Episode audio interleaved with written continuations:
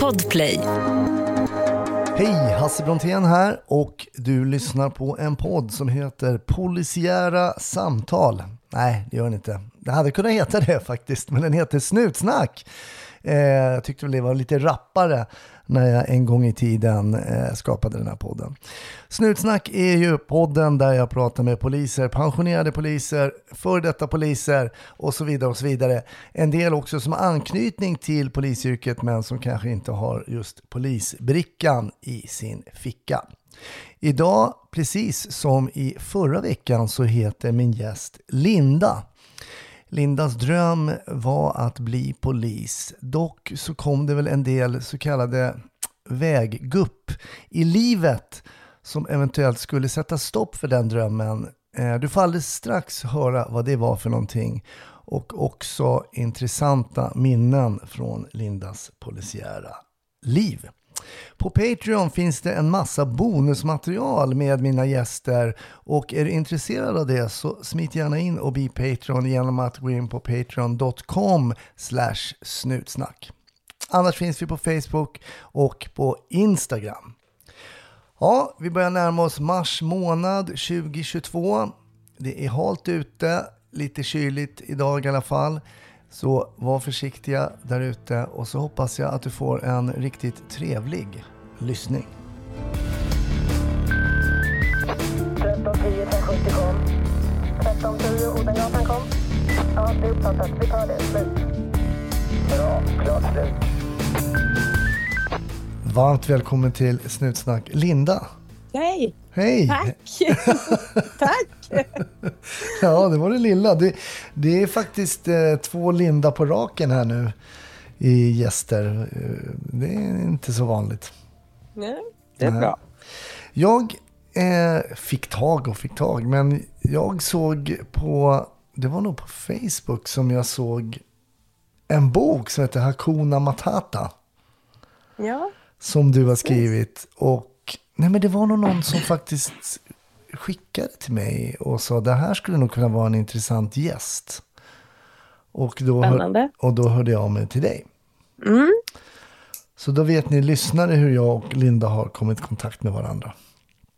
Eh, jo men du är ju en väldigt intressant person och det måste man ju säga. Tänk om man fick läsa en bok om eh, varje gäst innan. Man får ju reda på väldigt mycket. Ja jag, jag tänkte lite på det faktiskt, om det var bra eller dåligt. Men eh, vi hoppas att det blir bra. Nej men, eh, nej, men det är nog bra, tror jag. Men jag skulle nog rekommendera läsarna sen efteråt att läsa boken själv. Då. Den heter ju då Hakuna Matata. Men jag ska lägga ut på Facebook-sidan och på Instagram också. Så, så alla får se vad, hur boken ser ut och vad man kan beställa den och sådär. Så, så, men vi ska ju prata lite om eh, såklart, du har jobbat, jobbar ju som polis men det har ju varit lite strul kan man säga. Ja, det vet jag, känner jag ju till här då som, som har läst din bok. Men vi brukar ju ofta i podden fråga liksom, vem är du? Och, och ja, vem är Linda? Var är du uppvuxen? Ja, vem är Linda? Jag är, ehm, jag är uppvuxen på västkusten, Bohuslän, eh, i ett litet eh, fiskesamhälle som heter Bovastrand. Mm. Eh, sen tog jag det stora klivet och flyttade fem kilometer till Hunnebostrand. Mm. Så där bor jag tillsammans med min familj och vår lilla vovve. Jag har två barn och, och make. Mm. Ja. I din bok som jag nu kommer referera till och det här styrs lite av din bok men det, så får det bli. Eh, så berättar du dels initialt i boken så berättar du dels om en olycka, en cykelolycka som, som kommer att påverka dig ganska mycket. Mm. Men sen lite senare när du är 13 år, i en ganska känslig ålder, man kommer in i tonåren med allt vad det innebär, så råkar du ut för en sjukdom. Du upptäcker någonting egentligen. Det börjar en morgon. Vad är det som händer då? Ja, men precis. Ehm, det är faktiskt, eh, jag går tillbaka till den tiden när jag pratar om det, för det, det var så påtagligt eh, jobbigt. Mm. Eh, Jag vaknade en morgon eh, av att eh, jag tyckte sängen kändes annorlunda. Och, och innan ögonen och, och det hade vant sig vid ljuset och jag fick se vad det var så eh, först, jag förstod ändå inte riktigt vad det var som hade hänt för hela min säng låg full av hår. Mm. Det var, det var inte bara 5, 10, 15 hårstrån utan det var verkligen hela sängen var täckt av hår. Mm. Eh, och då, jag förstod faktiskt ärligt talat inte riktigt vad det var som hände. Det tog ganska lång tid innan jag gjorde det. Men eh, även fast jag förstod att det var något som inte var som det skulle och att det inte var något positivt som hände. Ja, just det. För du hade helt enkelt fått, sen, som Ja. kommer fram sen, en, en, en sjukdom helt enkelt som gjorde Ja, att du men tappade håret. precis. Jag fick alopeci och alopeci är ju en sjukdom som gör att man eh, tappar håret. Mm. Det finns olika typer av alopeci. Man kan tappa och få tillbaka håret. Man kan tappa fläckvis. Och, eh, så det är väldigt mycket olika. Men jag drabbades av något som heter universalis och då tappar man allt hår på hela kroppen. Mm. Eh, ögonfransar, ögonbryn, ja, kroppshår överhuvudtaget. Eh, Allting det- bara försvinner. Ja, efterhand så försvann allting. Och som du var inne på där lite just eh, i den åldern. Jag var precis fyllt eh, 13 år. Jag var på väg in i vuxenlivet. Eh, försöka hitta min egen identitet och eh, vem jag var. Och jag, man ville ju göra sig snygg inför killar och ja, Mm, mm. hitta, hit, hitta sig själv. Men eh, och just eh, där och då så tappade jag håret. Eh, så det kom, det kom att bli en väldigt eh, tuff mental resa för mig. Mm. Eh, och jag säger inte att alla som drabbas av alopeci reagerar och tar det på samma sätt. För det är Nej. väldigt individuellt. En del tar det väldigt bra och en del tar det Mm. tuffare. Jag, min resa blev väldigt tuff. Mm. Det, min bild, och du får givetvis rätta mig om jag har Mm. fel, men när jag läser boken är att det har faktiskt följt med dig väldigt, väldigt länge och påverkat dig väldigt, väldigt mycket även när du blev vuxen. Ja, det har det gjort.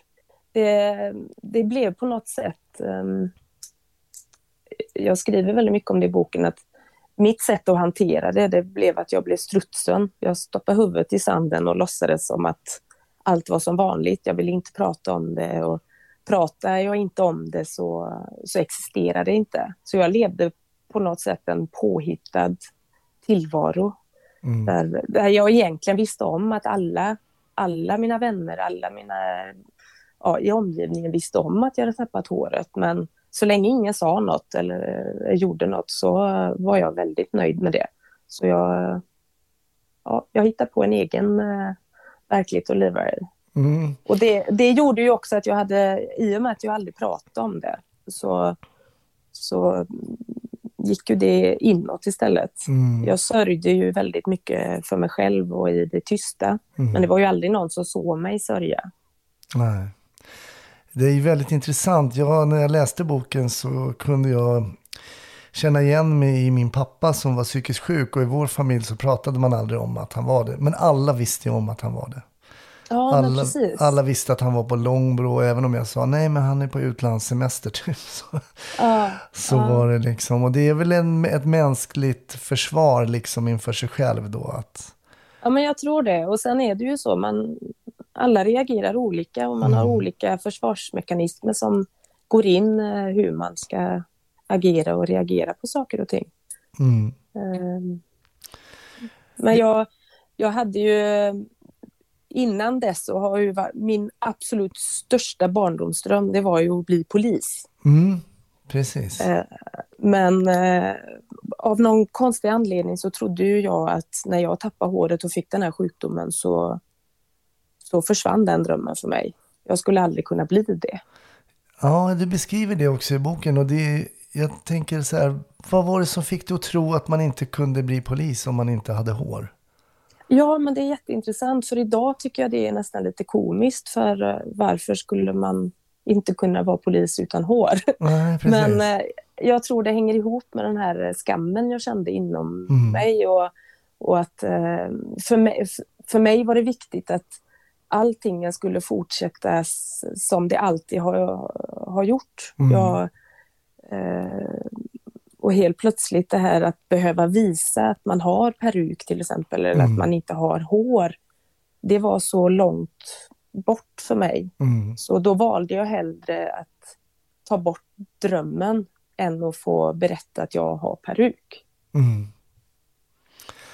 Det händer ju mycket, jag kan säga så här, det händer ju väldigt mycket som du berättar i din bok. Vi kommer inte ta upp allting här för då kommer vi inte hinna med det spännande ur ditt polisiära liv också. Jag rekommenderar verkligen folk att läsa den för det händer mer i ditt liv som, som av dels väldigt sjukdomstillstånd och sådär som eh, är, är, är väldigt intressant. Men du, du berättar ju om den här drömmen kring polisyrket och faktiskt ett minne som jag har från boken är ju när du ska göra de här proverna och när ni ska simma och sådär.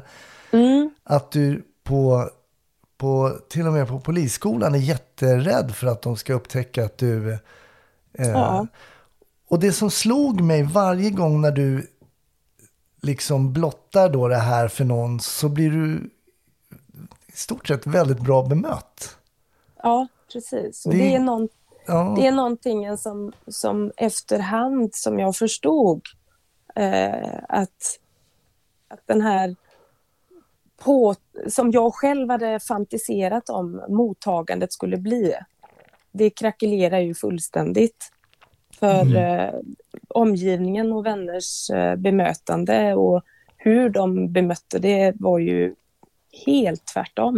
mm, De ryckte på axlarna och tyckte att ja, men det var ju tråkigt att du har fått en sjukdom, men du är ju du. mm, Och, och när man kollar tillbaka så önskar jag ju såklart att jag hade vågat att prata mycket öppnare med mina kompisar som egentligen redan visste om det. mm, Eh, För det hade nog underlättat min resa väldigt, väldigt mycket. Jag hade kommit eh, fortare fram, om man säger. mm. Eh, Men det var tack vare polisutbildningen, vill jag nog påstå, som, som jag till slut insåg att men det här är ju inget att vara, vara rädd för. Eller varför ska jag skämmas över det här? Hur kommer det sig att det blev just där tror du? Ja, främst var det nog först och främst att jag hade vågat att söka polisen trots det här, den här rädslan jag hade. Men sen då när jag, när jag väl började blotta mig och, och berätta för, för några få först i klassen och sen då när jag berättade för hela klassen så, så blev det ju liksom inte det, det gehöret som jag hade trott. Nej. Och blev det då också en, en förståelse att kanske det gäller hela omvärlden nästan, eller? Ja, men precis. Och, och exakt så.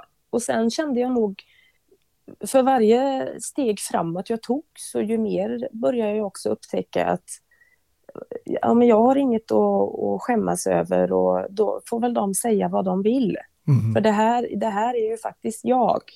Jag är ju samma Linda oavsett om jag har hår eller inte. Idag då, Linda, idag, om vi går ända till idag, kring just den här issuen att du fortfarande Ja, inte men- har hår och aldrig kommer få hår. Nej, men precis. Jag, eh, jag är väldigt trygg i mig själv. Jag har inga problem att prata om mitt eh, håravfall eller avsaknad av hår eller Mhm. sjukdomen. Utan tvärtom, jag pratar eh, väldigt gärna om det.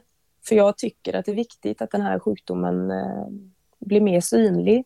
För det är så otroligt många fler som är drabbade. Mm. Det är bara att det finns en sån skam och eh, man pratar helst inte om den. Nej. Så nej, jag är väldigt trygg i mig själv. Och, sen som jag skriver i boken och som jag brukar säga till kompisar att det är ju kanske inget jag säger det första jag gör när jag träffar på någon, men det gör ju ingen annan som är sjuk heller. Nej. Det finns ingen anledning för mig att berätta, hej jag heter Linda, jag har alopeci. Nej. Det, det finns liksom ingen...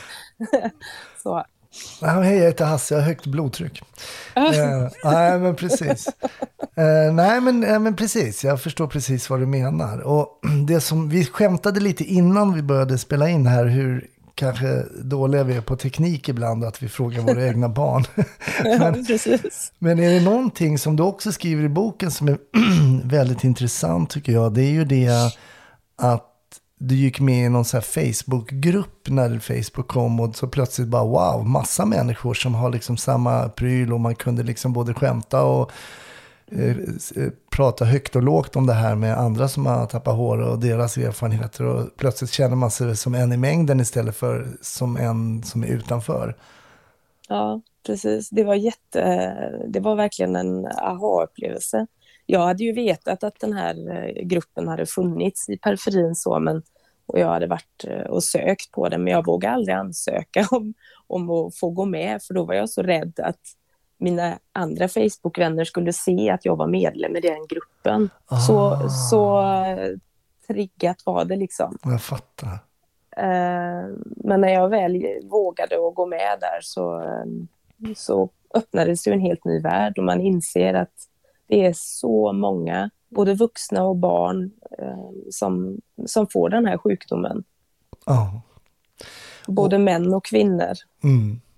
Och jag hade faktiskt en kompis i min klass i gymnasiet som hade samma. Ja, det är mer vanligt än vad man vill tro. Mm. Och det var ju då inget, jag vet inte riktigt, han verkade inte så störd av det. Det, det kan jag inte uttala mig om egentligen, men alltså utåt, utåt sett liksom. Men, Nej, eh, och det var ingen av oss som liksom retade honom eller påpekade det överhuvudtaget faktiskt.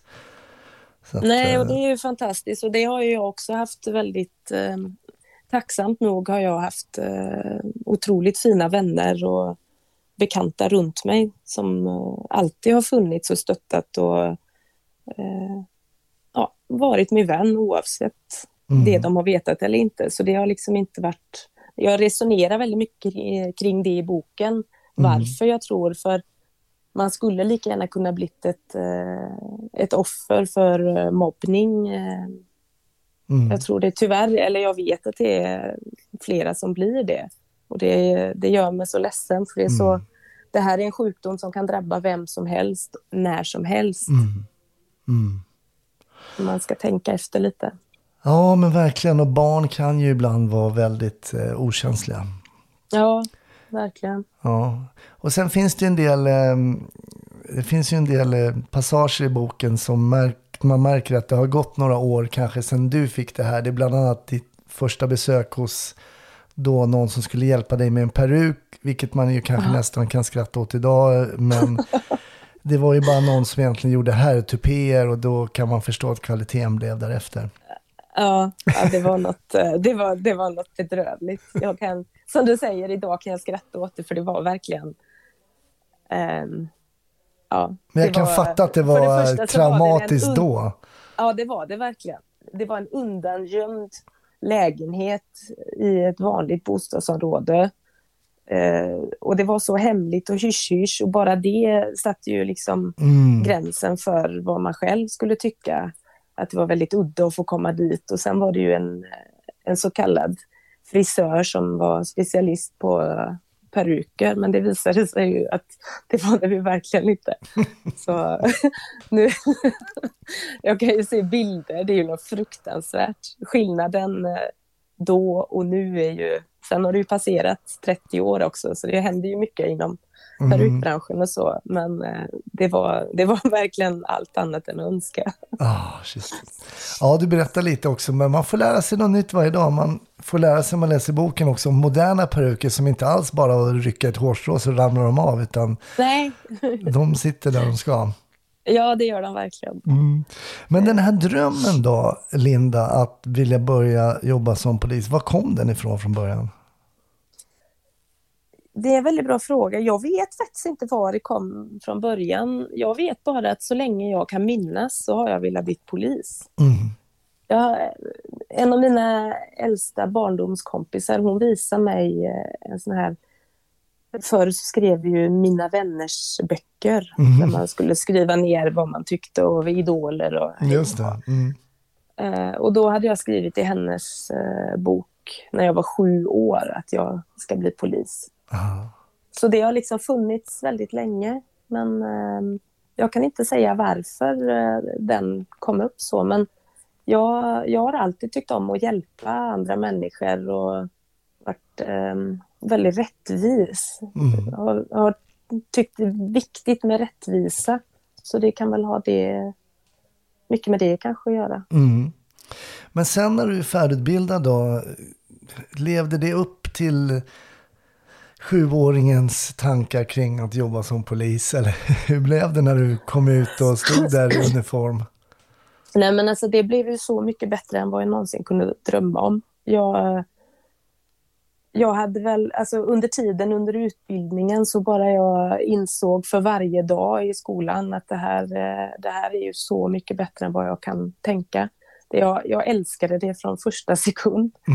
Eh, verkligen. Och just det här man möter på, man vet aldrig vilka personer eh, man möter på, man vet eh, inte vilka situationer man hamnar eh, inför. Och det, är, det är olika livsöden som man möter på som man aldrig någonsin annars skulle komma i kontakt med. Nej, Nej det är ju, bara det är ju oerhört spännande faktiskt. Mm. Det, vi, Och sen är det ju den här kolleg... Alltså, andra jobb är ju också viktiga med kollegor och så, men det blir ju ett speciellt eh, band mellan poliskollegor vill jag påstå. Just Mm. det här att mm, man inte bara jobbar ihop, utan man har ju ändå en, en viktig del av att man ska skydda sin, sin kollega. Eh, Jag, jag lägger ju bokstavligt talat eh, mitt liv i min kollegas händer i vissa situationer. Så är då måste man, så det är väldigt speciellt och det har varit eh, häftigt att få, få uppleva och få jobba med kollegorna. För var kom du att börja jobba då när du var klar?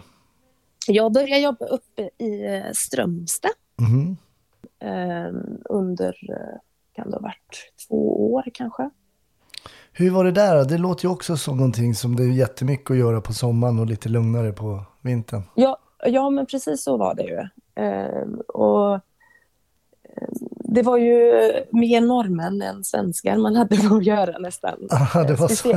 Ja, verkligen. Speciellt på sommarhalvåret då. Men eh, öv- överlag var det ju väldigt mycket norrmän man hade med. Och, så man fick ju ha mycket kontakt med norska polisen och så. Man lärde sig mycket med det.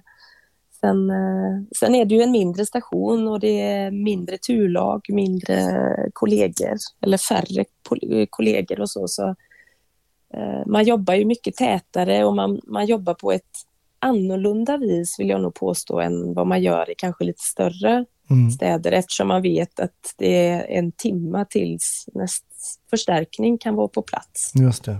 Så man kanske inte går in i samma situation eller i en situation på samma sätt som Nej. man gör på, i en stad. Mm. Ja, det där har vi pratat om lite i i podden tidigare också. Att Mm, det är mm. nästan som två olika yrken ibland.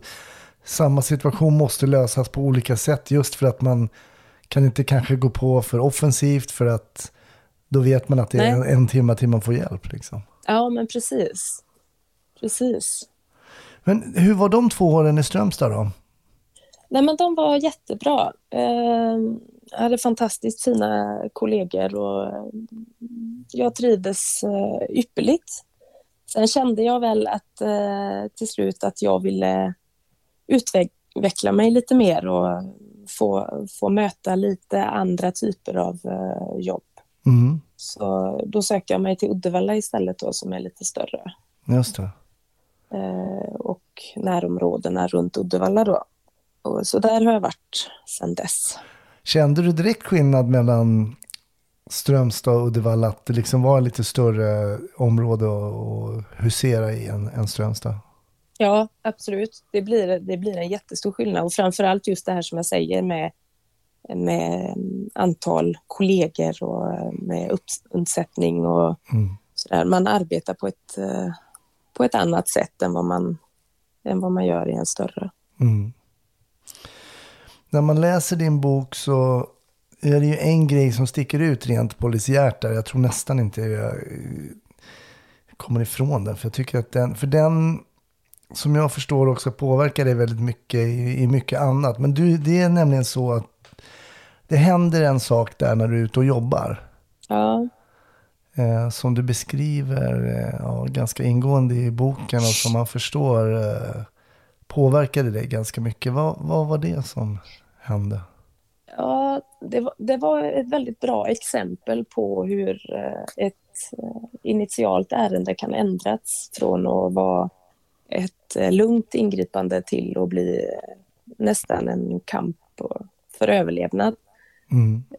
Det var jag och kollegan, mitt yttre befäl, som fick åka på en snattare. Och det var ju inget konstigt med det här ärendet överhuvudtaget det var en minderårig så vi skulle ta med den här eh, personen till eh, stationen för eh, vidare förhör. Mm. Och eh, det här var mitt på, mitt på dagen på eh, november, jättefint väder, mitt på Kungsgatan, eh, stora, stora gatan inne i Uddevalla centrum. Så det var mycket folk i rörelse och sådär. Och och när jag skulle ta tag i den här tjejen och, och gå iväg med henne till bilen så från ingenstans så kommer det en kille och hoppar på mig bakifrån som, mm. som inte ens hade med ärendet att göra. Okay. Ehm, och eh, han hoppar på mig bakifrån så jag hann liksom inte reagera och, och, han tog tag i min, jag hade regnjackan, polisens regnjacka på mig och den tog han tag i den här luvan och drog mig bakåt. Så jag höll ju på, jag kunde aldrig få balans nästan. Nej. Samtidigt då som han bara besinningslöst matade knytnävsslag bak i nacke och tinning. Mm. Uh, och det här var ju också, det tog ett tag innan min kollega förstod vad det var som hände. För hon stod en bit bort och pratade med någon, ja, någon annan uh, som gällde ärendet. Mm. Och innan hon förstod och såg vad det var, för det här skulle ju liksom inte hända. Det, här, det fanns nej, ju nej. inget hot eller för annars... Från annars ingenstans, den här personen ja, från kom ingenstans. från ingenstans. Ja, bakom ett hörn dök han upp. Så, så han avbröt ju inte det här förrän eh, kollegan då till slut fick slå han med batong ett antal gånger. Då. Hur många, fick, kan du ha någon uppfattning kring hur mycket han, han liksom... Ja, han säger själv mellan 15 och 20 knytnävsslag. Killen, mm. han, han har ju, det blev ju rättegång och så. Och han har ju erkänt. Och han har bett om ursäkt och, och sådär nu i efterhand. Men varför kunde han uppge varför han överföll? Ja, liksom? det kom ju fram sen då senare att eh, han var ju tillsammans med den här tjejen. Ah, okay. eh, och när han såg att jag eh, tog tag i henne och skulle gå iväg så hade han blivit så rasande. Eh, han hävdar att han eh, har svår eh, ADHD och inte kunde kontrollera sig då. Okay. Men jag tänker när du då känner att huvan, du dras bakåt och någon börjar liksom mata knytnävsslag. Hur, för du berättar ju också att det här är ett ärende där du har som jag kan tänka mig nu, axlarna nere, det är ett snatteri, personen mm. är liksom gripen och det finns ingen, alltså det, ja, det finns ingen hotbild överhuvudtaget. Eh, och när det sker så här liksom plötsligt, hur snabbt hinner hjärnan ens liksom, eh, ja, men det var liksom det... reagera? Ja, det, det var, alltså jag, jag hann inte reagera. Det, var det, det är det som är så obehagligt för det gick så fruktansvärt fort och jag bara kände hur någon försökte få omkull mig och sen kände jag ju bara alla slag. Och min första reaktion blev, och det är jag tacksam för idag, eh, det var att eh, ta upp händerna över huvudet och skydda mig så mycket jag kunde. Mm. Eh, samtidigt så är det,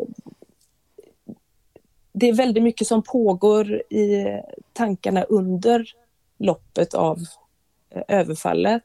Mm. Men framförallt efteråt. Mm. För jag har ju brottats väldigt mycket med det här och jag har ju själv stött och blött varför jag inte drog något vapen eller varför jag inte agerade på ett annat sätt. Men, men det, det kom så blick, från, som en blixt från ovan det här överfallet. Jag var liksom verkligen inte beredd överhuvudtaget och Mm. då gick överlevnadsinstinkten in. Mm. Eh, så jag, jag försökte skydda mig bäst det gick. Du gick inte över till RPS eh, hänvisade grepptekniker? Nej, jag gjorde inte det. Eh, och det är ju något som jag säger, som jag har stött och blött och, och tyckt varit väldigt jobbigt själv och försökt att analysera varför. Eh, för jag menar, jag har ju varit med om massa andra händelser där det inte har varit några problem alls. Men eh, just det här, eh, det var nog överraskningsmomentet tror jag som gjorde att för jag tänker, du har väl säkert varit med om våldsanvändning då. Det är ju oundvikligt som polis ibland Mm. att, det, att det händer att folk sätter sig till motvärn och man måste liksom ja, ta till någon form av grepp eller batong eller något sånt där. Och när angreppet är synligt, så att säga, från din point of view. Mm. Om du jämför då den våldsanvändningen som du hade varit med om innan och kanske utsatts för viss våld jämfört med det här då. Hur, hur skulle du liksom, eh, hur skulle du vilja jämföra det? Det här, det här lite annorlunda angreppet bakifrån där du slits ner liksom på det Ja, sättet. men det var just det här överraskningsmomentet. För, Mm. för de an, andra tillfällena som har varit då när man har fått ta till olika medel, då har det ju varit att man har varit, eller att jag har varit eh, förberedd egentligen. Mm. Eh, både kanske innan man har kommit till platsen, man har mentalt förberett sig eh, på att det här kommer kanske kunna urarta eller det kommer kunna bli en situation. Eller under tidens lopp så har det accelererat så att man liksom har, har steppat upp. Mm. Men, men nu, nu fanns det inte tid för någonting och det fanns ingenting som gjorde att jag och kollegan började prata på, på hur man ska tänka taktiskt när man åker på ett snatteri. Det gör man ju liksom inte. Nej, nej. Eh, Så det, det är nog överraskningsmomentet just att han, han hade ju varit helt osynlig. Mm. Han, var, han fanns ju liksom inte ens.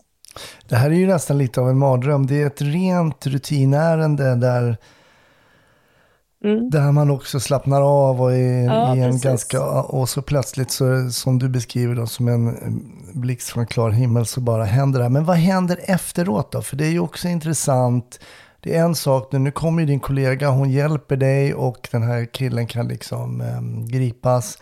Men vad händer efteråt då? Man kommer in på station och så, här, vad händer för dig? Eh, Jag, blir, jag åker ju... Jag ramlar ju ihop på Kungsgatan. Eh, En bit efter. eh, När, när han är ja, borta och jag, eh, jag står bakom polisbilen då tror jag. Jag hade, utan att jag minns det, så hade jag tagit den här snattaren och satt i polisbilen. Och sen efter det, jag hade stängt dörren om eh, den här personen, så ramlade jag ihop. Och då kom ju ambulans eh, och hämtade mig. Så jag hamnade ju på sjukhus då. Mm. Men, och där undersökte de mig ju länge och väl.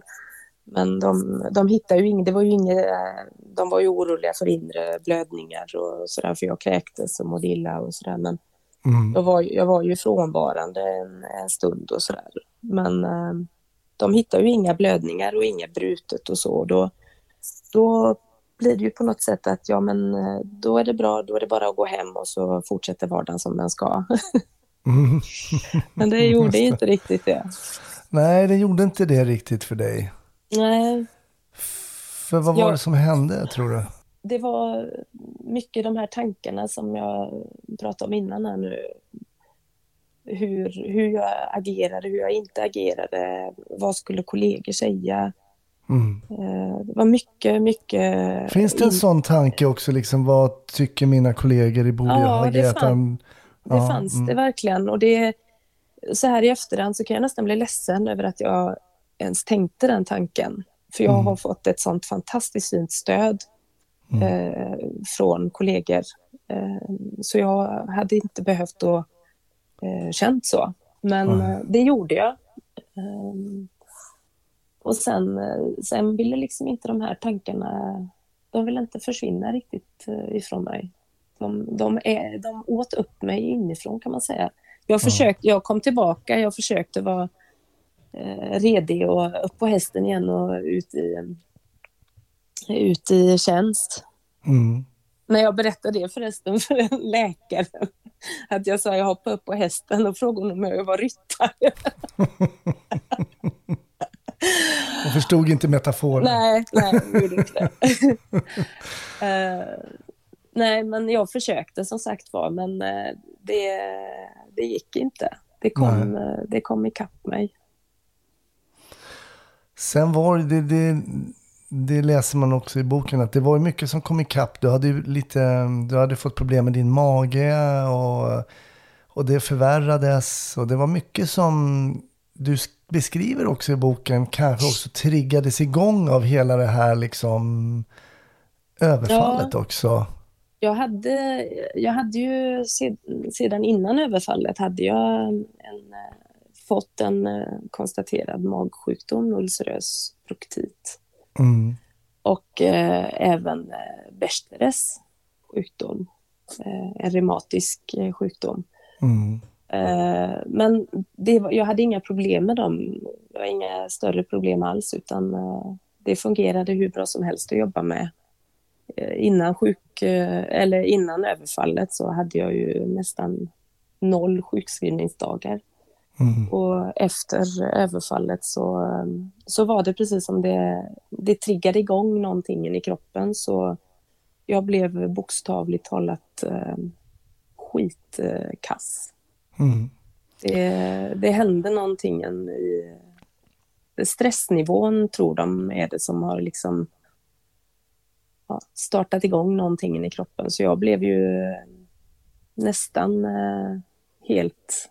Jag klarade mig inte själv överhuvudtaget faktiskt en period. Nej. Det är oerhört fascinerande på något sätt hur knopp och kropp eh, sitter ihop. Ja, Eh, verkligen. och, och det har man ju i, inom polisen genom åren förstått lite mer och mer. Mm. Eh, att till exempel att man med, det har vi pratat om i podden, mycket med avlastningssamtal och, och så vidare och så vidare. Men ibland och i vissa ärenden också haft andra gäster där, där de här sakerna är så pass påverkar. Och det här är ju också givetvis individuellt, men hur, hur man kan påverkas så starkt liksom. Ja, För du blev ju i stort sett oförmögen. Du, I boken så berättar att du går in och jobbar först. ja precis. Jag blev... Eh, jag har ju alltid drömt om eh, polisyrket och, och för mig har det alltid varit att jobba ute. Eh, där det händer och jag stormtrivdes. Jag älskade att jobba ute. Så när jag då blev allt sämre och när jag blev tvångsplacerad kan man väl säga på inre tjänst så eh, blev jag tog väldigt illa vid mig. Jag tyckte det var fruktansvärt tufft och jobbigt. Mm. Jag vet ju att det var rätt beslut att ta av eh, arbetsgivaren för jag, jag klarar ju inte. Nej. Men eh, det var, det var tufft. Det är tufft när någon annan får ta, ta beslutet för en. Mm. Eh, Man vill ju helst vara den som fattar beslutet själv. För Mm. eh, jag är helt övertygad om att jag hade hamnat på utredningen förr eller senare, men då var beslutet mitt. Mm. Ja, men precis.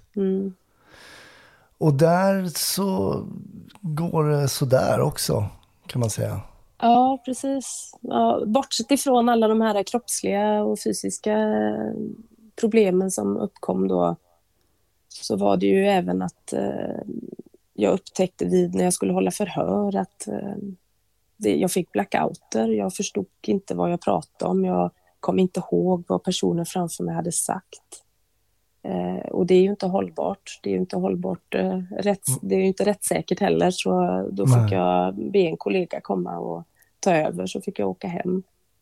Mm. Eh, Så till slut så satte det sig ju inte bara fysiskt i kroppen utan även då på de inre.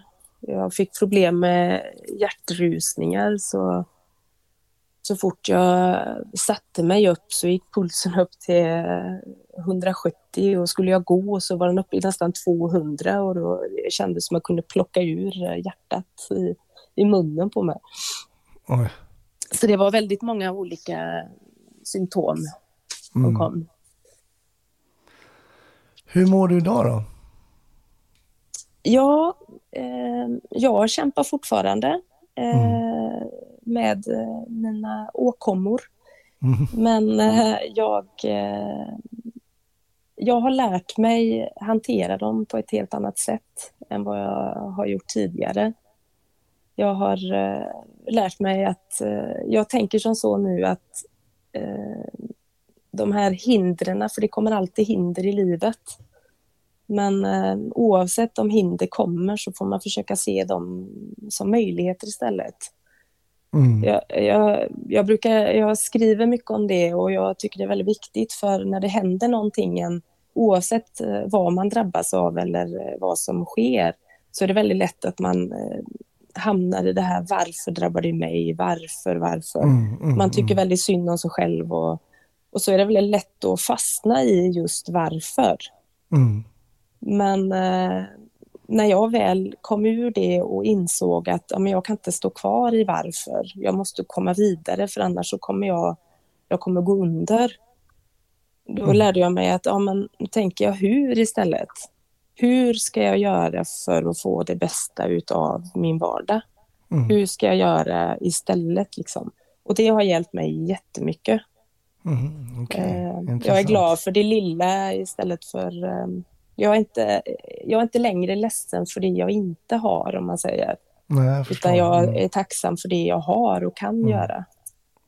Och var befinner du dig nu rent liksom polisiärt arbetsmässigt? Ja, eh, eh, just nu är jag långt borta, kan man väl Mm. säga. Mm. Tyvärr. Jag, eh, jag har som eh, mål och har alltid haft som mål att komma tillbaka till jobbet som jag älskar. Mm. Men eh, vi får se vart det landar. För eh, kroppen eh, vill inte riktigt samma sak som mitt hjärta vill. Nej.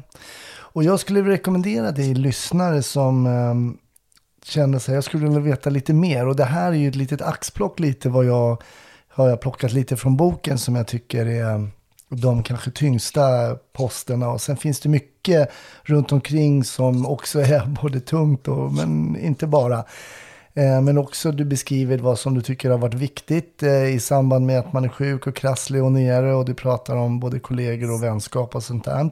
Mm. Eh, jag tänkte i slutet av avsnittet så ska vi berätta en gång till vad boken heter och var man kan hitta den och sådär. Så jag rekommenderar verkligen er lyssnare att läsa Lindas bok. Men jag är ju också nyfiken för du har ju varit ute och innan det här hände, det har ju hänt mycket. Så nu släpper jag eh, boken lite grann och eh, så frågar jag liksom om minnen eh, från din process. För vi pratade lite innan och du kastade faktiskt upp minnen som jag både skrattade åt och i stort sett började böla åt också. Mm. Men du berättade en sak som handlade om en pojke på en bondgård som jag tycker var väldigt intressant. För jag tror att många poliser kan hamna i, i någon liknande situation någon gång eventuellt. Men det slutar också på ett sätt som är ganska ovanligt tror jag i samband med ett sånt här ärende. Kan du berätta vad det var för, för jobb på den där bondgården? Ja, eh, det här, eh, det här var faktiskt eh, ganska tidigt i min poliskarriär. Det var, mm, jag och min kollega, vi fick eh, ett larm om en, eh, en kille som eh, ville ta livet av sig. Mm. Så vi åkte till den här platsen och då visade det sig att det var på en stor, en stor gård. Eh, och eh, på den här gården så var det en jättestor laggårdsbyggnad. Inte en sån här liten laggårdsbyggnad utan en enorm stor med högt i tak. Mm. Och eh, jag går in eh, i- det här eh, ladugårdsingången och får, får se högst upp på loftet så står det en ung kille eh, med en snara runt halsen balanserande på en eller två brädor. Eh, och det här är en höjd på säg, ja, minst 15 meter. Ehm, och jag, jag, jag, jag fick nästan som en liten chock när jag kom in för jag hade inte förväntat mig att han hade, att han hade stått med snara runt halsen och verkligen redo. Och jag tänkte, säger jag det minsta fel ord eller råkar han ta ett litet snedsteg så är det adjö. Du ser också snaran runt hans Jajamän. hals? och- Mm, mm. Och eh, till det hela hör då som, som gör situationen kanske lite ännu mer allvarlig än det redan är såklart. Det var då att då fick vi reda på av föräldrarna att hans eh, farfar tidigare hade hängt sig på exakt samma sätt och på exakt samma ställe. Oj. Eh, så då fick man ju lite känsla av att det här måste vi liksom lösa för det här, han menar allvar. Vad går igenom ditt huvud i den här situationen? För jag menar, har du fått någon träning innan på skolan kring en sån här situation, hur man ska bete sig eller så?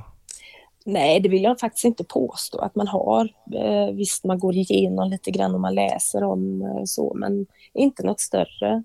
Jag vill nog mer påstå att jag hade mycket lärdom utifrån min egen eh, erfarenhet.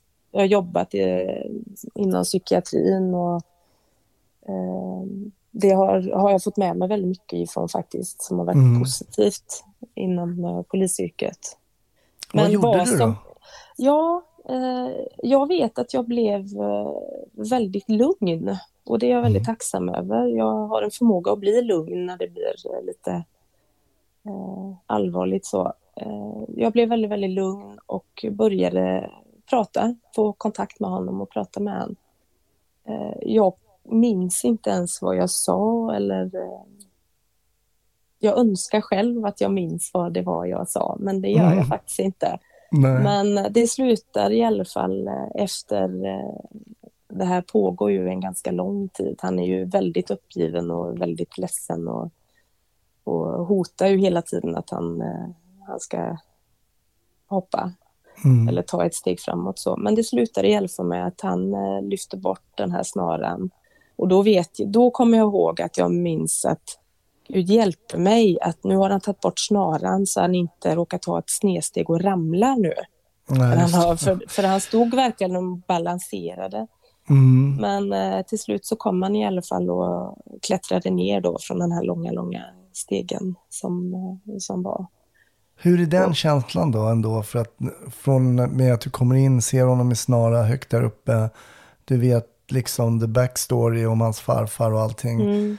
Och sen så när han ändå, äntligen har klättrat ner. Det måste ju Ja, men det vara en är, skön, det- skön känsla. ja, det är en fantastisk eh, känsla. Det, det är svårt. Jag tror inte man kan... Det går inte att beskriva den känslan. Man måste nog ha varit i den. För det är en sån, det är en sån situation som man liksom inte... Man ska egentligen inte vara i en sån situation. Men eh, poliser hamnar ju där som du säger i början här. Mm. Men det är svårt. Det är mer än att man är väldigt eh, tacksam och lättad. Mm. Men du berättar att du kommer inte ihåg liksom exakt vad du sa och sådär. Men är det mer bara liksom prata vardagligt och få någon form av kontakt? Eller är det mer hoppa inte, hoppa inte? Liksom, vet du ungefär hur du försökte liksom närma dig situationen? Alltså inte ordagrant, men Nej, men jag, jag vet att jag, jag började att presentera mig själv och vem jag var. Och, och jag, jag vet också att jag, att jag nämnde för, just det, nu kommer jag faktiskt ihåg det. Jag Mm, vet så. att jag sa till han att jag vill inte åka hem eh, till min familj och ha med mig eh, att du har hoppat framför mig. Jag försökte Ah. lägga över på honom lite att, eh, att eh, låt inte mig se det här liksom.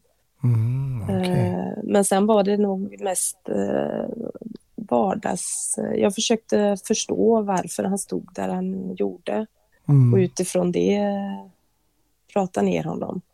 just det.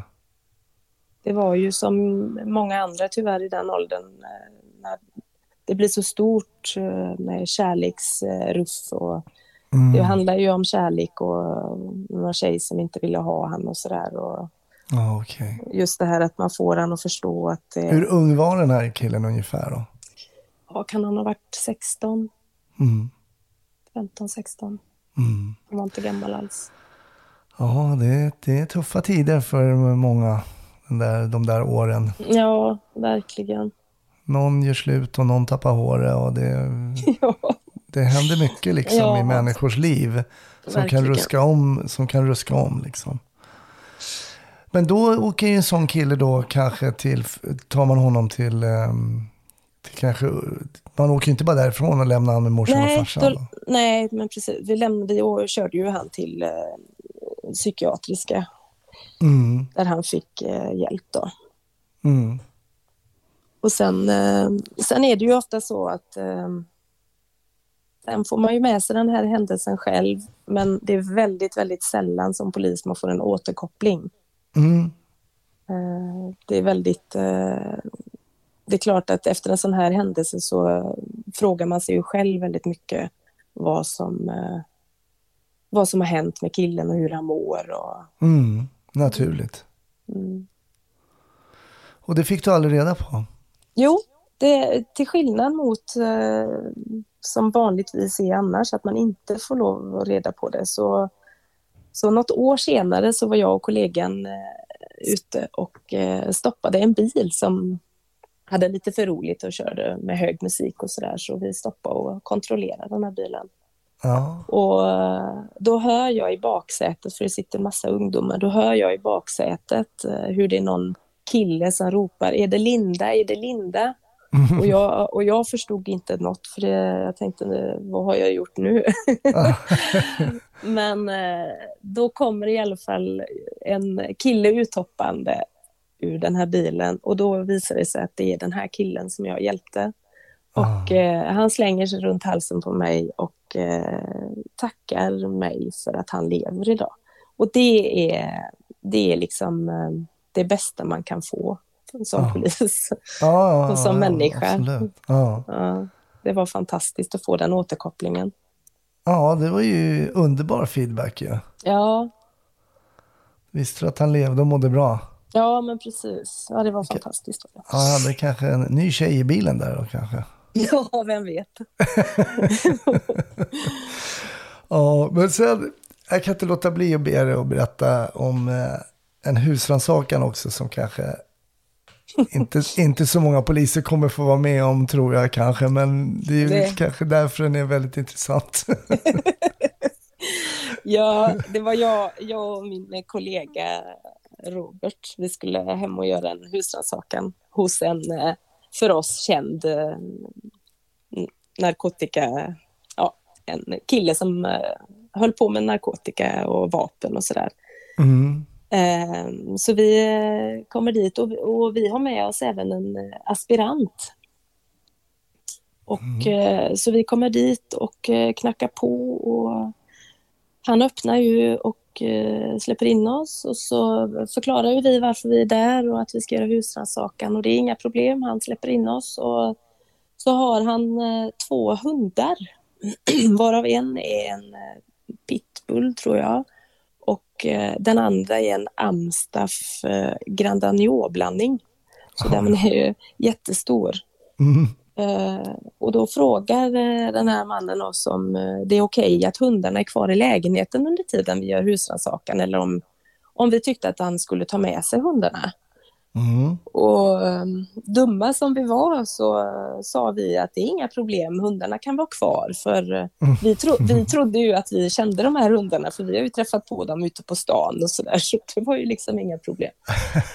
Så, ehm, så vi satte igång med husrannsakan. Jag var i köket och Robban var i vardagsrummet och stackars aspiranten han var inne i ett, eh, ett litet sovrum med stängd dörr och höll på där.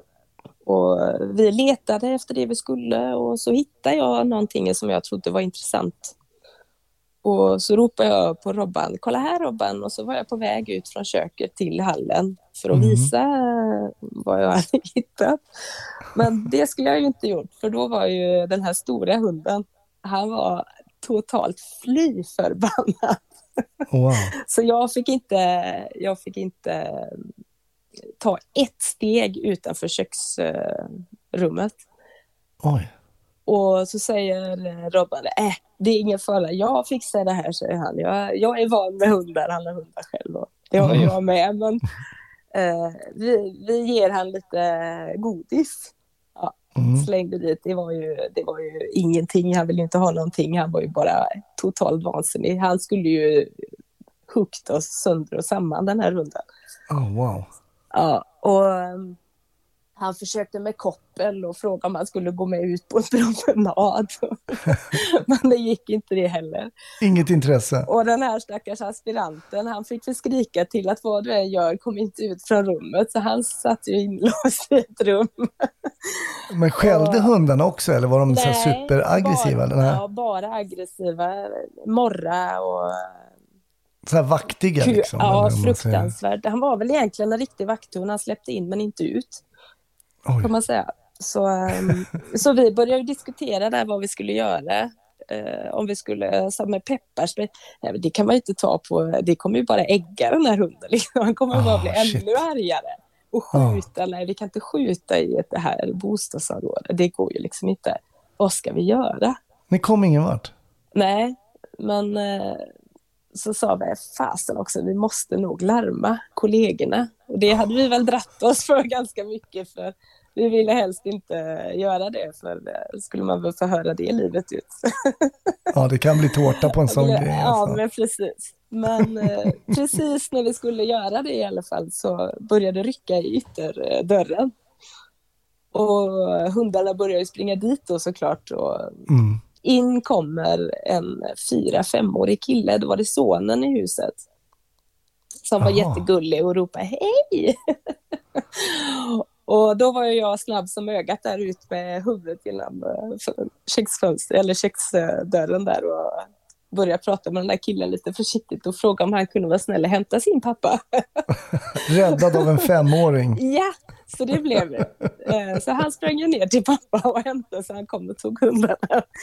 Men den här känslan av, just, Åh. vi har pratat mycket om det här efteråt, jag och Robban, att eh, man möter på så många konstiga personer och farliga situationer. Och, Mm. men det, man glömmer faktiskt ofta det här, att man möter också på den här typen av alltså, arga djur Mm. i, i olika skeden. Eh, Mm. och det är faktiskt en av de gångerna som, som jag tyckte varit mest obehagligt. När man Ja. inte vet hur man ska hantera. Men eh, det gick ju bra. Vi blev räddade av femåringen här. Så. Ja, men det är också så otroligt intressant att det är så många händelser som vi har hört eh, genom poddens historia som liksom inte står i handboken.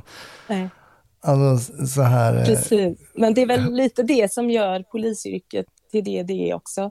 Tycker Mm. jag. Att det just, Just det här det. att man vet inte vad man möts av. Det är verkligen...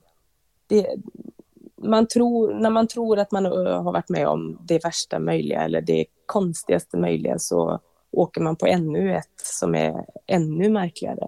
Så Mm. eh, det är ju skärmen med polisyrket. Ja. Alltså Linda, en timma bara blixtrar förbi när man får sådana här spännande historier till sig. Du skriver ju, och som jag har förstått har skrivit alltid, för att i din bok så är det också liksom utdrag ur din dagbok sedan Mm. lång tid tillbaks. Liksom. Mm. Men du har aldrig funderat på att skriva en deckare? Jo, det har jag faktiskt. Och jag har till och med börjat. Men så Mm. är, så är det ju lite det här med, med mitt eh, mående. Jag har svårt att sitta eh, perioder och jag har svårt att Mm. skriva sådär. Men eh, jag skriver lite då och då. Och sen har jag en väldigt snäll make som hjälper mig. Mm. Och jag dikterar och han skriver. Så, Perfekt. Ja. Jag brukar ju också alltid fråga om polisfilmer. Kollar du på sådana? ja, det gör Mm. jag väl. Det Mm. gör jag. Är det något du kan, någon, någon du kan rekommendera?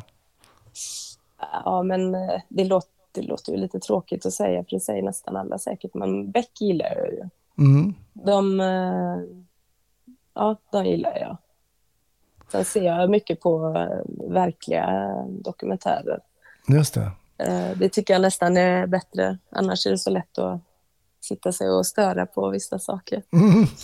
det, det, har, det har vi förstått att många poliser gör. Och det är väl så när man ska försöka göra film av ett yrke som, och det blir aldrig, inte, det stämmer inte med verkligheten.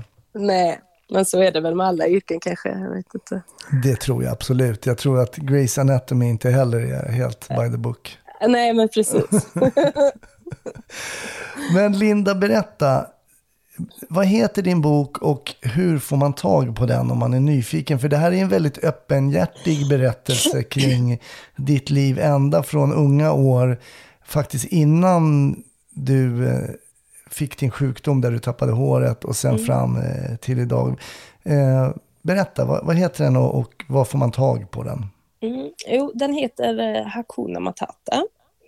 Och den finns att köpa på välsorterade bokhandlar. Eh, mm. Den finns på nätet på Adlibris, Bokus, Akademibokhandeln, mm. CDON, ja, på de flesta ställen. Eh, den finns även att köpa direkt hos mig. Sen eh, kan jag ju även flagga för att den kommer också ut som ljudbok i mm. maj, i början på maj, men då heter den inte Hakuna Matata. Nej. Utan då heter den När livet vänder. Okej. Okay. Olika förlag, olika konkurrens. Mm. Ah, jag förstår. Okej. Okay. Ja. Så När livet vänder heter den Just det, för dig som föredrar ljudbok framför att eh, kanske läsa då. då. Mm, precis.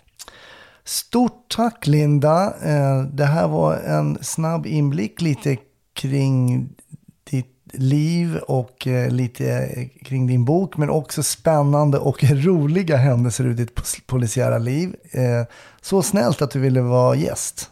Tack snälla för jag fick vara gäst. Ja, det var det lilla. Det var jättetrevligt.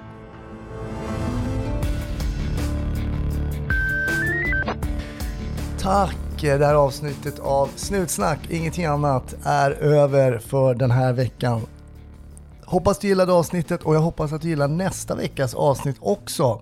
Bli Patreon på patreon.com snutsnack eller träffa oss på sociala medier. Ha en fantastisk vecka så hoppas jag att vi hörs i nästa.